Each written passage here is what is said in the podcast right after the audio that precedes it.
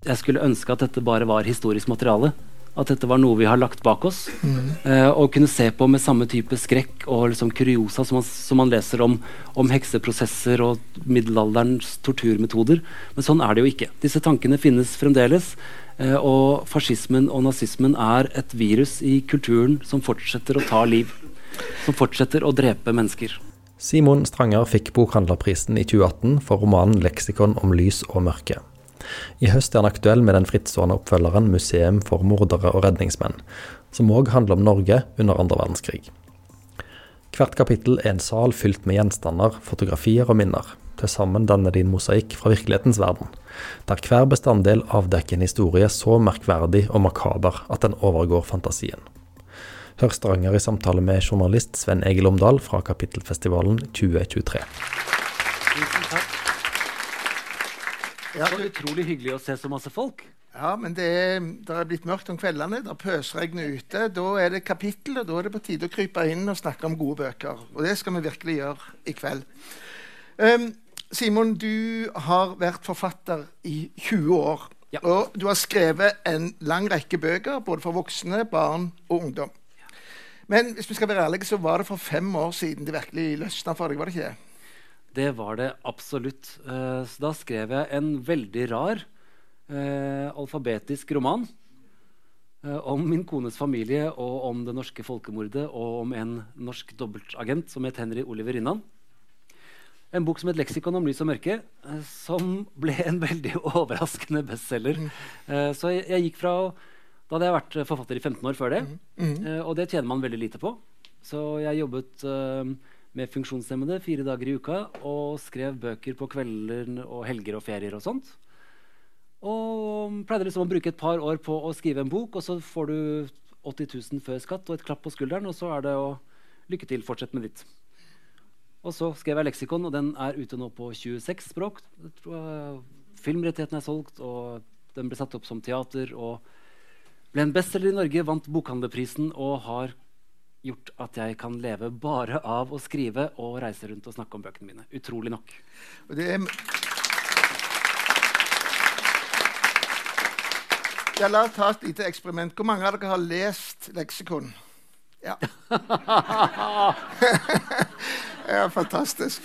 Å, Ja. Det blir en rørende kveld. Takk. Da vet dere jo kanskje, eller dere husker kanskje at leksikon om lys og mørke begynner med en snublestein.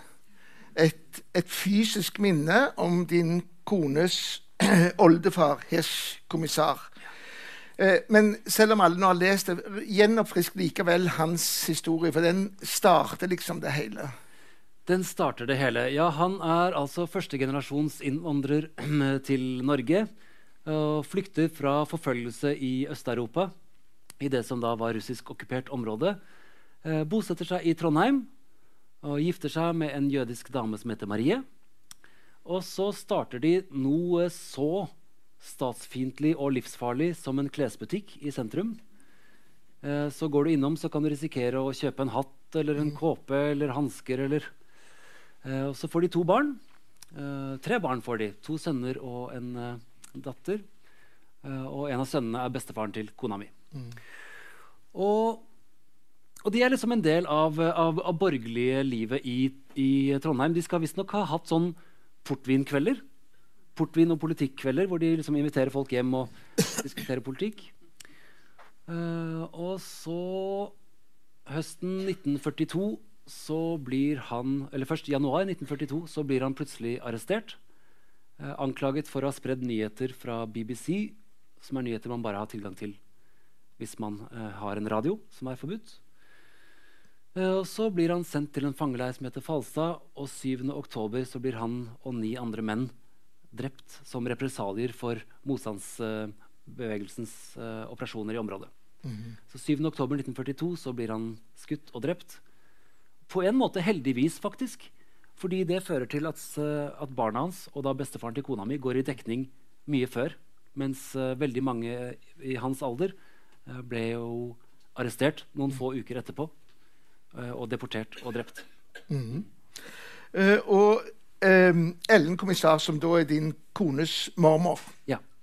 um, I den boka så forteller du det, husker dere alle, at hennes liv blir da veva sammen med Henry Oliver Rinnan sin virksomhet. Ved at hun faktisk flytter inn i det berykta bandeklosteret Jonsvannsveien etter krigen. Og Den historien den er, det er jo ikke rart at den spredte seg på mange språk og til mange mennesker. Men så viser det seg at Ellen Kommissars liv mm.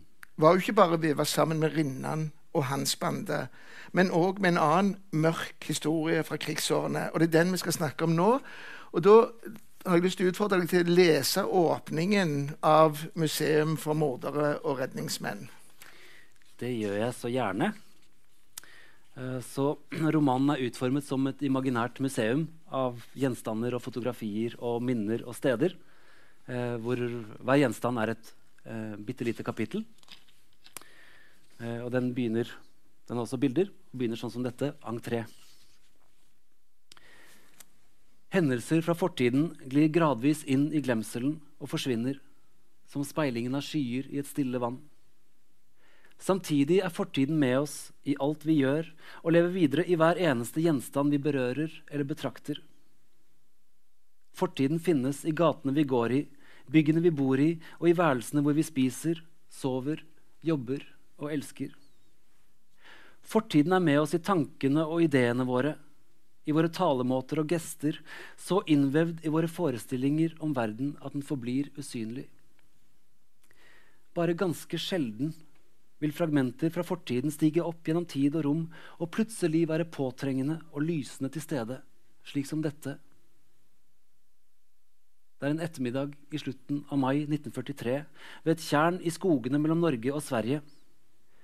Søyler av mykt kveldslys skinner inn mellom trestammene og lyser opp svermer av svirrende mygg. En hakkespett hakker i en trestamme. Så bryter noe avlangt og mørkt gjennom vannspeilet. Det er skulderen til en mann. Nå kommer det hårløse hodet hans også til syne og dupper noen ganger opp og ned. Bevegelsen danner små bølger i overflaten som farer utover tjernet i konsentriske sirkler, som nødsignaler. Kroppen driver langsomt over tjernet med vinden. Slik går noen timer før lyden av steg på stien bryter stillheten. Lensmannen får fraktet det uidentifiserte liket til obduksjon i hovedstaden, men året er 1943. Verdenskrigen raser, og han står uten spor. Tjernet viser seg å skjule flere hemmeligheter. For en uke senere flyter det oppsvulmede liket av en kvinne opp til overflaten, med kåpe, skjørt og brune strømper. Også hun er surret inn i metalltråd med to flate steiner plassert under lusekoften. Obduksjonen tyder på at likene har ligget i vannet siden høsten 1942. Den samme høsten som jødiske familier i Norge ble arrestert og sendt i døden. Bare de som ble hjulpet i dekning på hemmelige adresser eller ført i skjul over grensen til Sverige, fikk muligheten til å føre slekten videre. En av dem var deg. Kjære Ellen. Du er mormoren til mine to barn og oldemoren Du var mormoren til min kone og oldemoren til mine to barn. Så skjør er enhver slektslinje at et eneste brudd er tilstrekkelig for at slekten skal stoppe opp. Men du ble hjulpet i dekning av fremmede. Du var 16 år da krigen brøt ut, like gammel som datteren min er nå. Jeg vet at krigen tok fra deg ambisjonene og drømmene, barndomshjemmet og møblene, klærne, noteheftene og bøkene. Jeg vet at krigen og forfølgelsene røvet tryggheten fra deg og skapte usynlige sår du bar med deg resten av livet. En forunderlig og makaber del av denne historien har likevel forblitt skjult fram til nå. For 80 år etter likfunnene i Skrikerudtjern løsnet et fragment fra den mørke og mudrete glemselen og steg til overflaten av familiehistorien. Det var bare et notat fra en forsker på Jødisk museum men notatet viste at fortellingen om flukten din, drapsmennene og det myrdede ekteparet hang sammen. At du og søstrene ble reddet av en morder.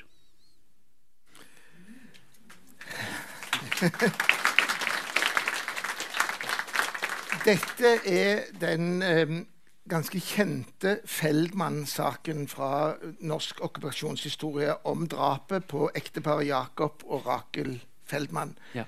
Um, fortell litt om denne Feldmann-saken. og Begynn gjerne med hendelsene på toget til Halden. Hvorfor denne, denne hendelsen her er så viktig i norsk historie. Ja, det gjør jeg gjerne. Um, så Først av så ble jeg helt sånn forbløffet over å finne enda en sånn historie i familien uh, til kona mi. da. Um, så jeg begynte å grave i dette, og som du sier, så er det en ganske kjent um, sak. Et jødisk ektepar som het Jakob og Rakel Fellmann. Mm uh, bodde i Oslo, og uh, han kom fra Kiev. Flyktet fra forfølgelse der, noe som gir en litt sånn emmen smak i munnen nå. bosatt seg i trygge Norge.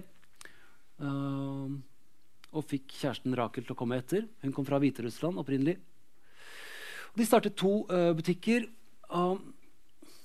Merkelig nok så var de barnløse. eller det som var merkelig med det er at I Bibelen så er det et ektepar som heter Jakob og Rakel, som er barnløse. Det var de også.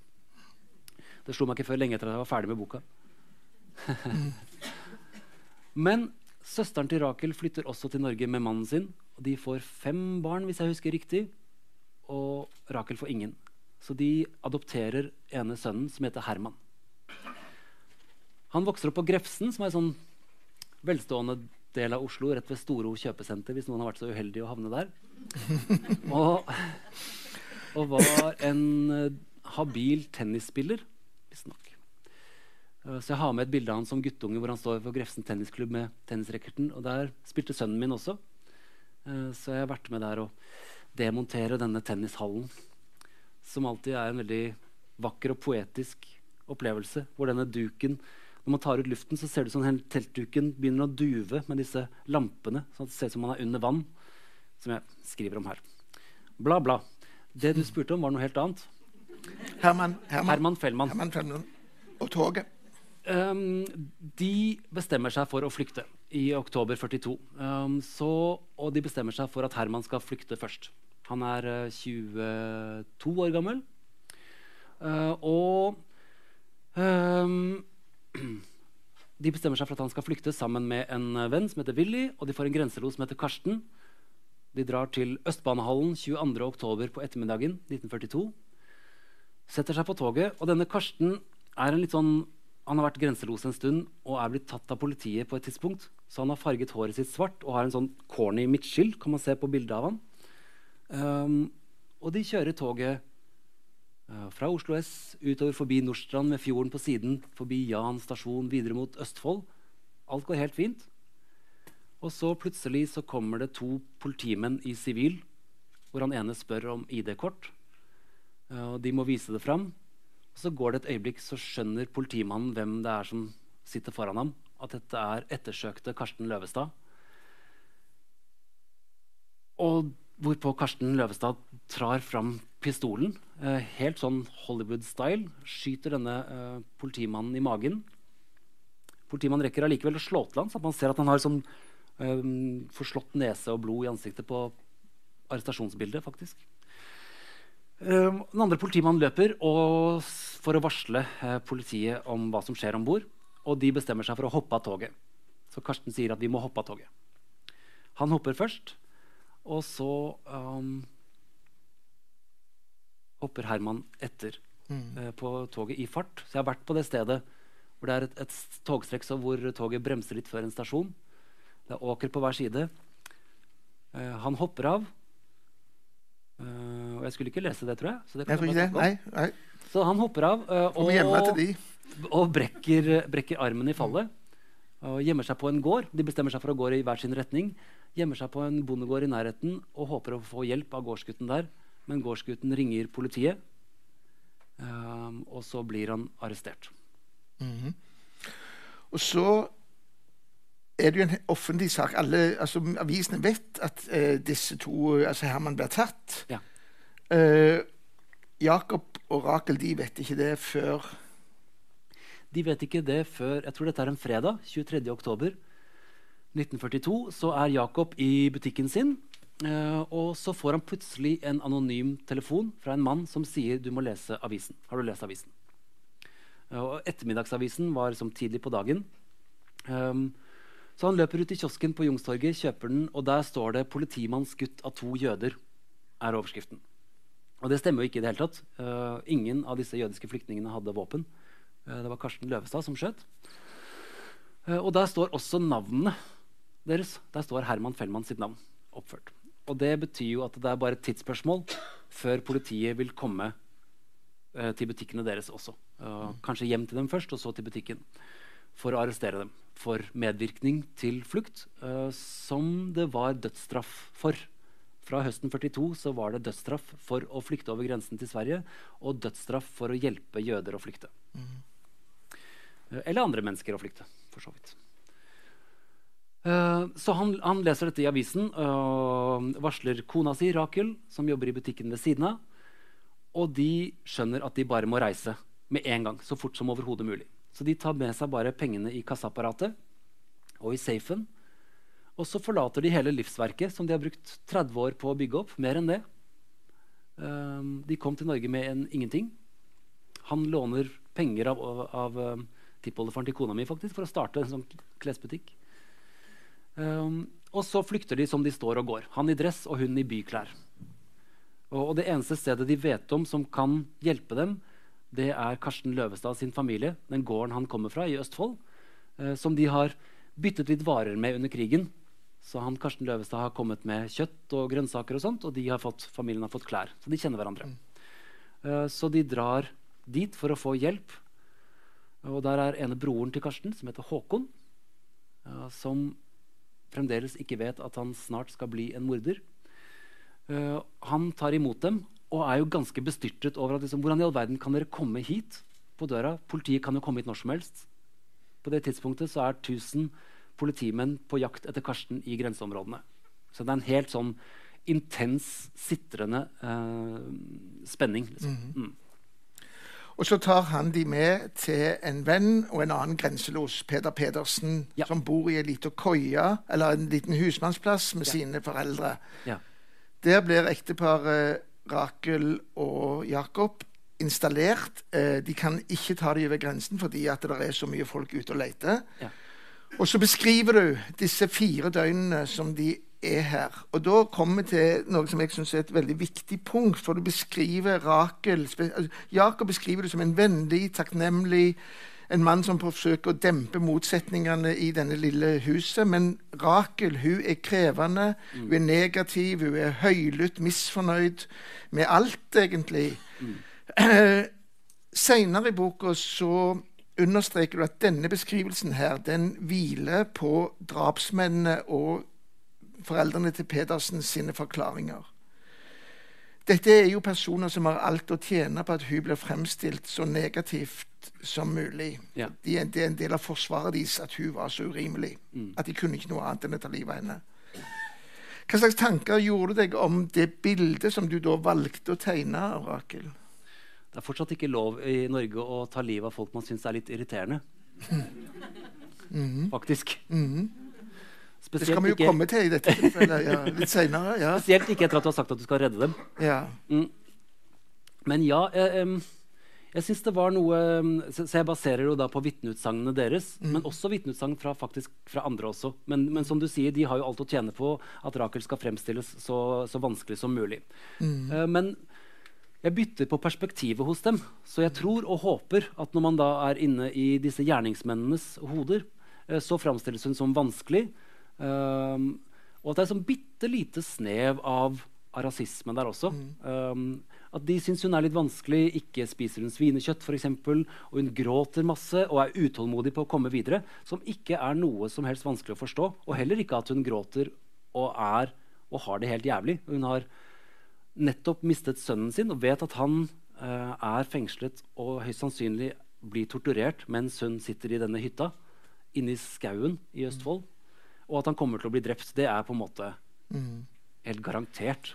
Uh, så ja. ja. Vi skal jo ikke gjenfortelle hele boka, men det er jo en kjent sak at uh, han, Karsten og Peder de bestemmer seg da for at eneste måten de kan løse dette dilemmaet på, det er å ta livet av dette ekteparet. Det gjør de da, og senker de i Skrikerudtjern. Ja.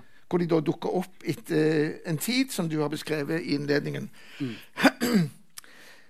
Det står helt klart på forsida av boka di at det er en roman. Ja. eh, så er det når du leser den, så ser du at det er en hybridform mellom sakprosa og skjønnlitteratur. Det er skjønnlitterært språk, men det er faktiske hendelser, reelle hendelser og, og reelle mennesker. Mm. og du presiserer flere ganger at her tenker jeg bare hvordan det kunne være. Her dikter jeg. Um, du har kalt det en personlig roman. Hva legger du i et sånt begrep? Mm, at uh, jeg-stemmen er meg. Mm. Uh, og at de tingene jeg skriver om, er så virkelige som jeg får det til. Mm. Um, romanen er jo en utrolig fleksibel kunstform, så du kan jo gjøre hva du vil med en roman. Uh, og det er derfor jeg alltid har elsket romanen siden jeg var fem år gammel. og gjør det fortsatt. Mm. så det er ingen, ingen grenser for hva man kan gjøre. Og til forskjell fra sakprosa så kan jeg da også leve meg inn i, i personer, virkelige personer. Leve meg inn i deres tanker og følelser. Og, og det er på en måte litt sånn åpenbart, syns jeg, da, at jeg ikke har en maskin i kjelleren som jeg kan trykke på, og så kommer de faktiske tankene og følelsene. Det føler jeg er en sånn Det er litt gitt, er det ikke det? Mm. Uh, så, sånn at det, det, blir mer eller mindre plausible gjengivelser av hva som kanskje kan ha skjedd. Mm. Uh, det er, noen, det, er, det er, en sånn gråsone. Det er jo noen sakprosaforfattere som nærmer seg den retningen også. Men jeg mm. befinner meg trygt på romansiden. Men hvor lojal har du vært overfor de rent faktiske hendelsene? Så lojal som overhodet mulig. Uh, så det har bare vært frustrerende der hvor det er, er, blindflekker og ting jeg ikke har funnet ut av. Mm. Men for å ta et eksempel, da, når, um, når, Herman skal hoppe ut av toget, de tre skal hoppe av toget i fart, så står det i restdokumentene at de hoppet ut av vinduet hoppet ut av vinduet. Dere husker disse gamle togvinduene? ikke sant? Det er sånne litt halvveis, eh, ikke ovale heller, men så du kan dra ned vinduet bare et lite stykke. Du får ikke åpnet hele vinduet, og så skal du liksom klyve ut av der. Veldig klumsete måte. Så jeg, jeg dro til Hamar togmuseum og brukte en dag på det. Etter først har liksom plundra i jeg vet ikke hvor lang tid. Mm. Og konkluderte med at de har hoppet ut av den døra. altså. Uh, og hvis noen av dere sitter på sikre kilder om det motsatte, så er jeg bare lykkelig for å bli uh, motbevist. Da er det bare å ringe meg. Fordi at Landet her er jo fullt av folk som har lest seg opp okkupasjonshistorien. sånn ja. at De vil jo finlese alt du skriver om ja. ting som er faktisk kjent. Ja, så der har du måttet være sakprosaforfatter på en måte. Måtte være du måtte researche som om du skulle skrive en sakprosabok, og så har ja. du dikta på grunnlag av det. Og Jeg vet ikke hvorfor jeg vil meg selv så vondt. Uh, med å liksom gang på gang skrive uh, historiske romaner hvor man som favner i blinde. Mm. Et veldig sånn enkelt eksempel. I leksikon så skriver jeg at en av, en av dem i Rinnan sin bil griper tak i uh, nakkestøtten. Mm. og så er det en vennlig e-post e altså, fra en mann som skriver 'Takk for fantastisk bok', men de hadde ikke nakkestøtter i 1935. Og det hadde hun selvfølgelig ikke. Så, så for, å, for, å, dikte så må jeg, og for å dikte fritt og for å kunne skrive så må jeg ha, se ting for meg så klart som overhodet mulig. Og vite liksom hva slags vær det er, hvordan er folk kledd, hvordan ser det ut, hva er kaldt, hva er varmt, hvordan lukter det osv. Da kan jeg lukke øynene og sitte og skrive. Mm. Og det har vært så mye lettere hvis jeg hadde skrevet om nåtiden. Dumme, dumme Simon. Men det gjør jeg ikke. Som du sa innledningsvis, så har du strukturert en roman som et museum, som er fascinerende. Du tar oss med fra rom til rom, og der er det artefakter, eller der er det som jeg tenker meg er informasjonstavler som der er i museer, som forteller historier og gir kontekst og bakgrunn. Mm. Og der er det òg fortellinger om mennesker om, som tar dramatiske valg, eller som det skjer dramatiske ting med. Og En av de som går igjen da, i begge bøkene, som er på en måte grunnen til at du har skrevet disse bøkene, nemlig Ellen. Mm. Skal, har du noe som kan gjøre oss enda litt mer kjent med Ellen, eh, som du vil lese for oss? Din, altså din kones mormor. Absolutt. Um, jeg kan ta det her. Det er ganske kort. Mm. Um, ja, hun er, hun er 18 år gammel i 1942. Akkurat ferdig på videregående. Eh, og har en drøm om å bli konsertpianist. Eh, så mens tvillingsøsteren har begynt å studere, så, eh, så går hun bare til et sånt klaverinstitutt og skal debutere i universitetets aula i Oslo og ha en solokonsert. Og håpe på å bli oppdaget. liksom.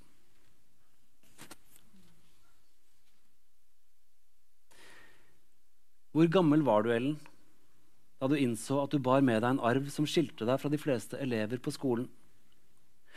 Hvor mange år måtte du bli før du forsto at disse familiene som foreldrene dine kjente som dvorskine og kleinene, var mennesker med en bakgrunn som ble mistenkeliggjort og mislikt av mange? At det fantes noe i deg som var annerledes, en forskjell som ble synliggjort gjennom gjenstander og skikker? Som den syvarmede lysestaken hos besteforeldrene dine, butikkene dere dro innom som var drevet av jøder, eller de få ordene du kunne si på jiddisch? Gleden over å danse på et ungdomsball for jødisk ungdom ble knust av den merkbare frykten etter krystallnatten og av de stadig mer hatefulle og jødefiendtlige talene til Quisling. Snart kom krigen, og snart gjemte både du og familien den jødiske arven av frykt for hva slags avsmak eller raseri den kunne vekke hos andre. Jeg forsøker å forestille meg avskjeden. Dette er eh, når Bestefaren kommer innom, det glemte jeg å si. Besteforeldrene kommer innom for å si at huset deres er blitt tatt av nazistene. Uh, og alt de eier, er blitt konfiskert av uh, tidligere leirkommandanten i Sachsenhausen, som var ansvarlig for at 10 000 russiske krigsfanger ble skutt med nakkeskudd. Han flyttet inn i huset og tok alle tingene deres. Og nå kommer besteforeldrene for å si farvel, og Ellen vet fortsatt ikke at det samme skal skje med dem noen få dager etterpå. Jeg forsøker å forestille meg avskjeden. Et kaos av klemmer, blanke øyne og lykkeønskninger før besteforeldrene haster ut i bilen igjen og kjører. Jeg ser for meg at du blir stående noen sekunder, så rystet som du ikke har vært siden flyalarmene ulte over byen da krigen brøt ut. Ja, så dette er liksom øyeblikket hvor det raser. Og Ellen er da lenka mellom disse to bøkene. Men det visste jo ikke du når du skrev den første boka, at Ellen var involvert i en annen av de mørke historiene fra okkupasjonen. Og den, Du sa jo at den historien hadde vært ukjent i familien helt fram til ganske nylig, når du ja. begynte å skrive denne boka.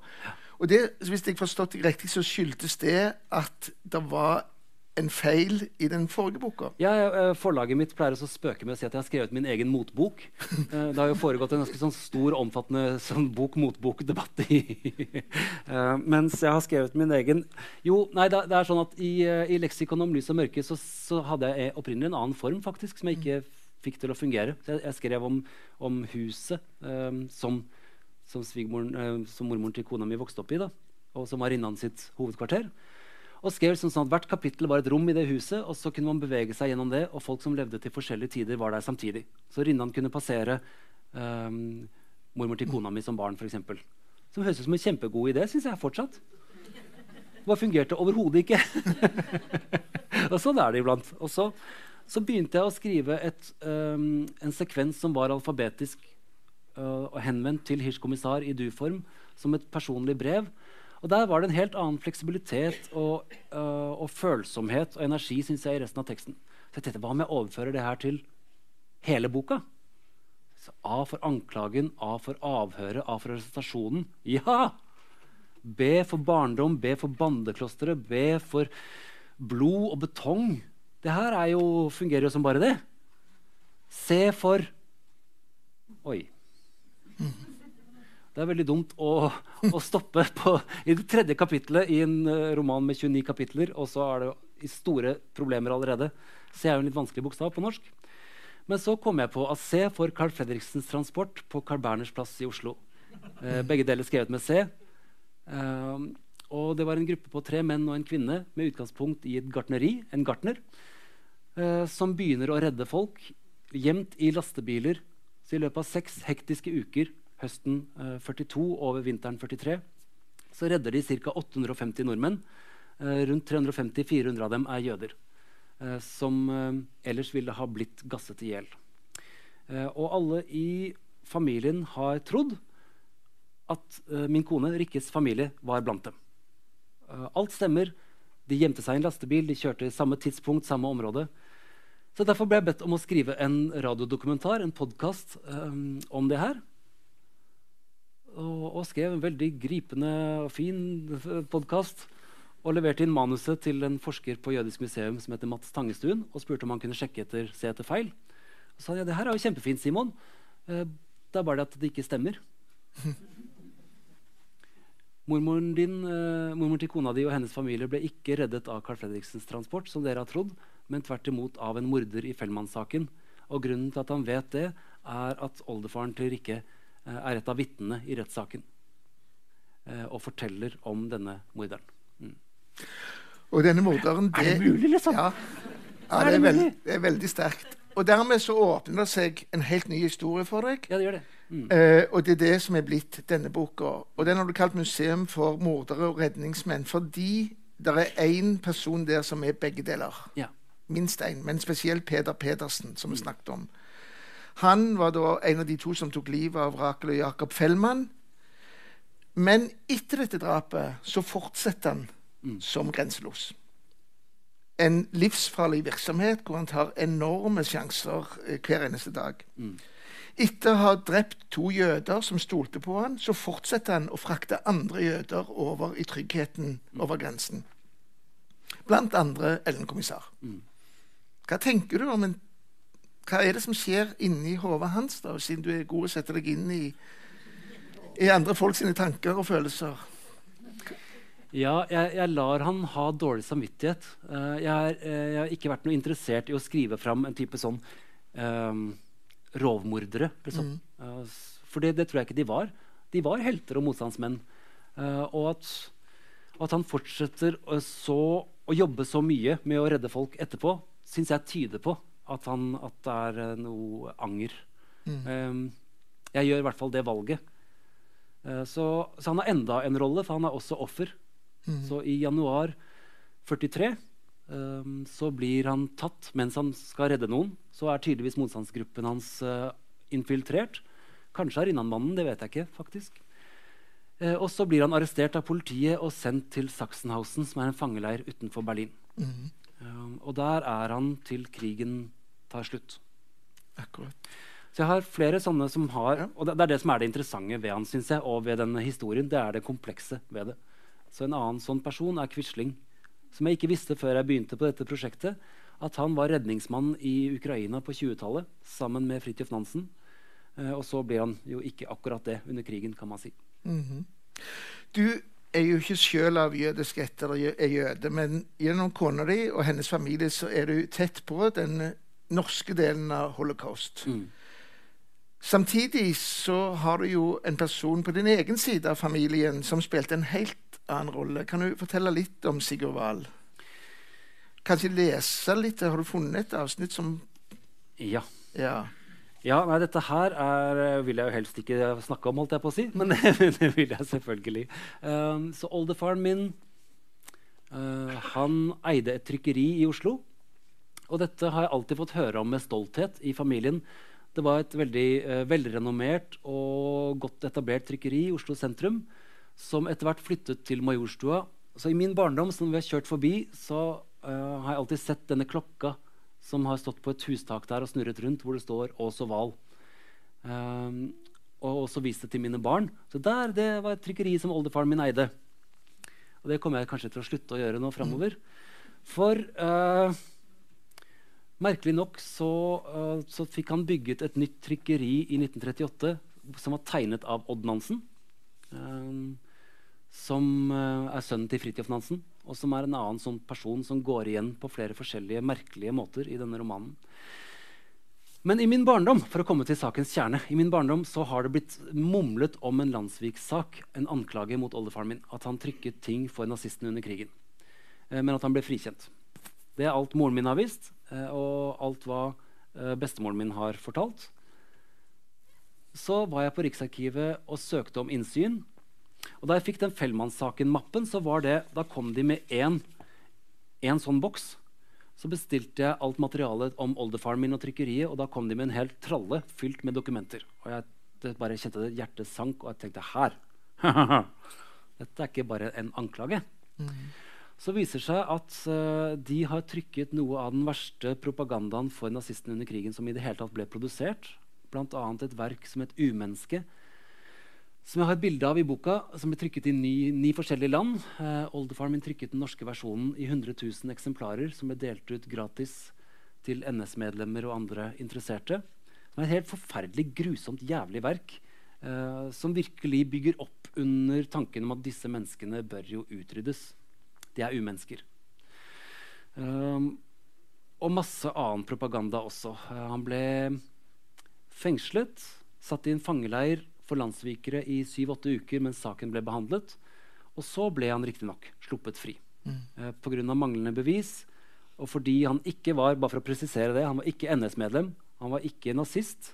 Uh, tvert imot hadde han ansatt jøder på trykkeriet uh, og trodde selv at han hadde jødisk bakgrunn. faktisk som jeg er litt tvilende til, men det er en lengre og mer komplisert historie. Mm. Um, så jeg begynner å skrive om han også. Så han er også en person som er med i denne romanen uh, som romankarakter. Uh, og dette materialet som han har trykket, for de veldig satt på spissen, da.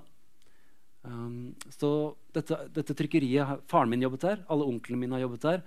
Uh, og aksjene fra dette trykkeriet ble på et tidspunkt solgt i min barndom. Det var første gang foreldrene mine fikk penger mellom hendene. De fikk råd til å kjøpe huset som jeg vokste opp i, uh, og kjøpe en ny bil. Og dette huset skal jo selges på et tidspunkt, eller den leiligheten de etter hvert kunne kjøpe. Og disse pengene jo, noe av det kommer til å havne i mine hender. Mm. Så satt veldig på spissen så har familien min tjent penger på propagandaen som hadde som formål å utslette min kones familie. Det er mm. en veldig sånn brutale så er det mange formildende. Og jeg, jeg kjenner at jeg får lyst til å bare sånn si alle de formildende tingene jeg kan. Men ja. Du har en liten scene fra 8. mai, eller, rett, eller maidagen i 45, ja. hvor Sigurd kommer til, tilbake til trykkeriet. Skal vi ta med oss den òg? Du er en veldig flink samtaleleder, for du, du liksom hanker meg inn. Jeg, ja. jeg sitter og kikker på klokka, men ja, du, du, ba meg om, du ba meg å lese for Ja, ja jeg vil gjerne at du skal lese litt. Trykkplatene til umennesket i en pappeske med skilleark av silkepapir på Ås og Val trykkeri. Alt er eufori i dagene etter at krigen er over. Solen stråler, flagg, flaggene vaier fra åpne vinduer, og all den innestengte redselen slipper endelig tak i befolkningen. Sigurd Wahl er på vei til trykkeriet for første gang siden frigjøringen og må svinge utenom en gjeng med feststemte mennesker som raver hjemover etter en lang natt med feiring. Han parkerer utenfor trykkeriet og går inn gjennom dørene som vanlig. Også han har feiret, selvfølgelig. Og kjent lettelsen over at all denne elendigheten er over. Ikke minst har han kjent en lettelse over at svigersønnen kan reise hjem igjen til datteren og barnebarnet etter å ha blitt satt i en fangeleir. Alt er bra, selvfølgelig, så nå gjenstår bare spørsmålet om hvordan han skal etablere en ny kundekrets som erstatning for oppdragene for nazistene. Først nå legger han merke til stillheten i maskinhallen. For trykkeriet, som pleier å være fylt med støy fra hydraulikk og stempler lenge før han kommer til kontoret, er dørgende stille. To arbeidere som står og røyker ved vinduet, retter seg opp ved synet av direktøren. Sigurd hilser vennlig på dem og påpeker hvor stille det er. Det renner ikke akkurat inn med bestillinger for tida, sier en av dem, og Sigurd nikker sier at de forhåpentligvis kan begynne å trykke programbladet for NRK radio igjen, slik de gjorde før krigen brøt ut. Det er noe litt nølende over den ene medarbeideren da han spør om hva de skal gjøre med alle trykkplatene fra Nasjonal Samling. Hva mener du? spør Sigurd. Skal vi beholde dem eller destruere dem? spør trykkeren og har et påfallende nøytralt uttrykk i ansiktet, som om det skulle være snakk om helt hverdagslig materiale. Disse kan definitivt bare destruere, ja, sier Sigurd. Tenner sin egen sigarett og går mot kontoret litt raskere enn han pleier. Kongen er på vei tilbake. Politikerne som satt på Stortinget før krigen, er tilbake i større eller mindre grad. Hvordan vil den nyinnsatte regjeringen se på det økonomiske samarbeidet trykkeriet har hatt med okkupasjonsmakten? Dette spørsmålet dukker stadig opp i tankene hans og gjør det vanskelig for Sigurd å følge en samtale eller virkelig føle på euforien over at freden har kommet. Noen få uker senere dukker politiet opp på døren til eneboligen hans i Holmenkollåsen og sier at han er siktet for landssvik. Nå må Sigurd svare for hva han har gjort. Mm. Det er en, eh, en understreng synes jeg, i hele boka di, uh, i framstillingen din, og det er spørsmålet om skyld. Mm. Hvem som har skyld, og hva de har skyld for. Du skriver om de ansvarlige for deportasjonen av de norske jødene, om Knut Rød i politiet, som organiserer det norske politiet i Oslo når de henter alle jødene. Mm.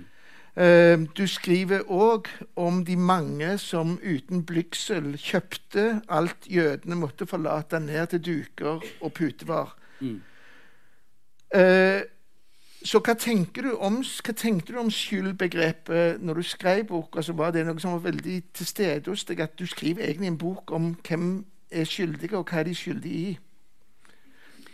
Og kan Ja. du òg fortelle, bare for, siden vi er i Stavanger Mm. For du skriver i boka akkurat i dette feltet her, så, så dukker Stavanger plutselig opp i boka di. Ja, det gjør den. Og dette her dette mm, er en av grunnene til at jeg har valgt å bygge den som et museum av gjenstander. er å rette fokuset på tingene vi omgir oss med. Jeg tenker at det er Tingene vi omgir oss med og eier, er som scenografien for våre liv. Den selvfølgelige delen vi omgir oss med. Vi er jo født nakne, og så bygger vi oss opp. Og så har vi klærne våre og husene vi går i, bor i og sover i. eh, Sofaen, tallerkenene vi spiser. Alle de tingene som er den selvfølgelige delen av livene våre. En del av folkemordet er at alt dette også ble tatt. Så ikke, ble, ikke bare ble familiene arrestert, deportert, gasset i hjel og brent, sånn at de fysiske kroppene var forsvunnet. Men sånn som her i Stavanger så var det en familie uh, som ble deportert. Og rett etterpå så hadde de da såkalt jødeboauksjon. Og det spesielle her i Stavanger er at eh, man kunne komme inn i leiligheten. Så du kunne komme liksom fysisk inn i leiligheten og gå og bevege deg fra kjøkken til stue. Og så kunne man by på gjenstander. Så kunne man kjøpe liksom, duker og tallerkener og sengetøy og alle disse tingene. Mhm. Tilsynelatende uten skam. Det reagerer jeg på. Og for alt du vet, så kan jo noen av disse tingene ennå finnes i hjem i Stavanger uten at de som i dag eier de, vet at de er kjøpt på en jødeaksjon. Ja, og Det jeg vet, er um, noe som jeg lot være å ta med, men um, jeg har sett bilde av Ikke bare bilde, en fysisk symaskin som en mann leverte inn til Jødisk museum i Oslo med skam 40 år etter krigen og sa at den hadde hans, eller foreldrene hans kjøpt på en sånn jødeboauksjon. Og den følte han bare ubehag ved og ville gjerne levere til museet. um, men dette skjedde jo ikke bare her i Stavanger. altså. Så, dette skjedde jo mange steder. Og hvordan folk tenkte et, hvor, Hvorvidt de var tankeløse, eller hvorvidt liksom uuttalt antisemittisme lå til grunn, jeg vet ikke. Men, eh, men ja, jeg snakker om skyld i denne romanen. Vi må nesten kanskje til og med avsløre at de blir frikjent, da. Mm -hmm. De to å si. drapsmennene. Jeg trekker tilbake det. Det er kjempespennende for dere hvordan det går. Det var det jeg mente å si. Ja, for Sigurd Wahl han ble som du sa, fengsla, men sluppet fri fordi han ikke hadde vært NS-medlem. Altså, det var, handlingene var ikke så viktige som holdningene i rettsoppgjøret. Ja. Knut Rød han ble tiltalt to ganger for sin administrering av den deportasjonen av de norske jødene, men ble frifunnet fordi han hadde gjort tjenester for motstandsbevegelsen. Og Peter Pedersen og Håkon Løvestad, som han andre heter, de ble altså frifunnet Ja. fordi retten trodde de på deres argument om at de hadde handla i nødverge. Ja. Så hva slags tanker gjør du deg da om rettsstaten sitt oppgjør med de som som faktisk Hvis vi sier at Rød faktisk hjalp motstandsbevegelsen, så var kanskje han òg både en indirekte morder og en redningsmann. Og Peter Pedersen var det jo helt åpenbart både en morder og en redningsmann. Eh, hvordan skulle rettsstaten håndtere slike dilemmaer? Ja, det er en overlevende norsk jøde eh, som, som skriver en sint, en rasende kronikk i avisen hvor han stiller dette spørsmålet. Eh, hva koster det egentlig å ta livet av en jøde i dag? Fordi de frifinnes jo alle de involverte. Så, og Knut Rød, som ansvarlig for dep deportasjonene som øverste i politiet, han ble satt inn igjen i polititjeneste, som vil si at du som jødisk familie kunne risikere å støte på han eh, og måtte få din sak behandlet av han. ikke sant?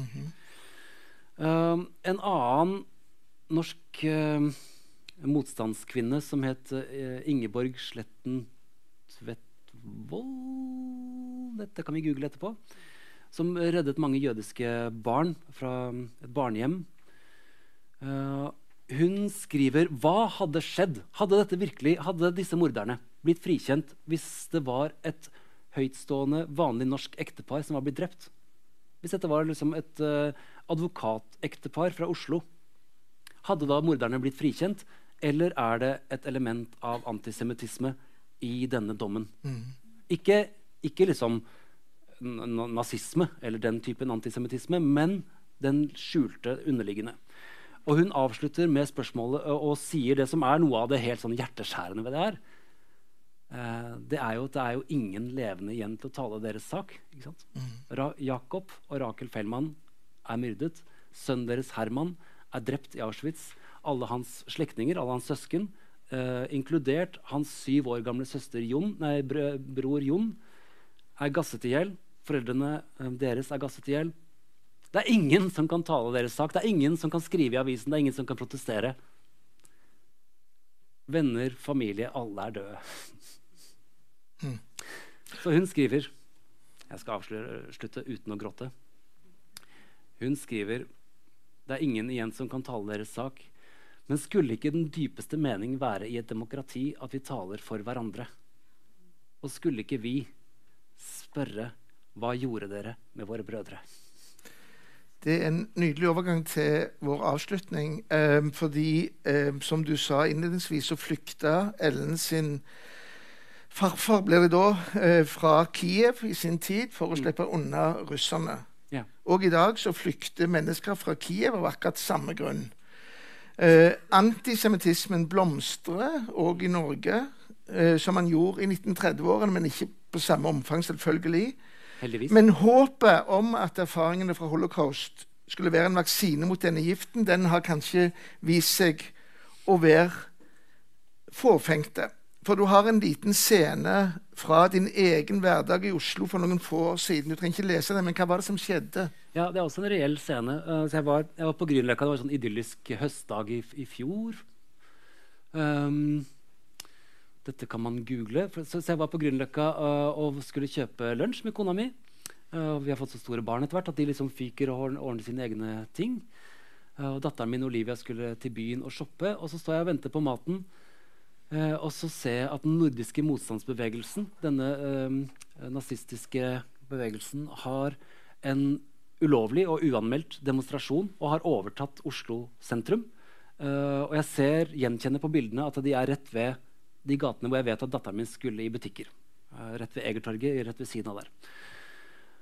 Og jeg kjenner liksom, uh, hjertet slår fortere, og samtidig så vil jeg ikke skremme datteren min heller, så jeg sender henne en tekstmelding og spør sånn, ja, hvordan går det, håper du koser deg, et eller annet sånt. Uh, og får til svar at ja, de har akkurat spist lunsj, og nå skal de kikke på den og den butikken. Så jeg lar være å si noe, da. Um, og så blir de lagt i bakken uh, av politiet. Heldigvis ikke sånn som i Kristiansand, hvor de fikk lov å overta hele byen. Uh, og en som forsøkte å stille seg i veien helt uh, uten å gjøre noe vold. Han ble skubbet så hardt at han fikk brist i et ribbein. Så der, var- der kunne det se ut som politiet støttet dem. Det jeg forsøker å si, er at jeg skulle ønske at dette bare var historisk materiale. At dette var noe vi har lagt bak oss. Eh, og kunne se på med samme type skrekk og liksom kuriosa som man, som man leser om, om hekseprosesser og middelalderens torturmetoder. Men sånn er det jo ikke. Disse tankene finnes fremdeles. Eh, og fascismen og nazismen er et virus i kulturen som fortsetter å ta liv. Som fortsetter å drepe mennesker. Det er mulig at verken leksikon eller museer klarer å utrydde antisemittisme, fascisme, nazisme og andre totalitære og voldelige ismer. Men det er ingen skal si at ikke du har gjort ditt i forsøket. Så takk for nok en gripende og svært velskreven bok. Takk skal du ha. Hjertelig takk.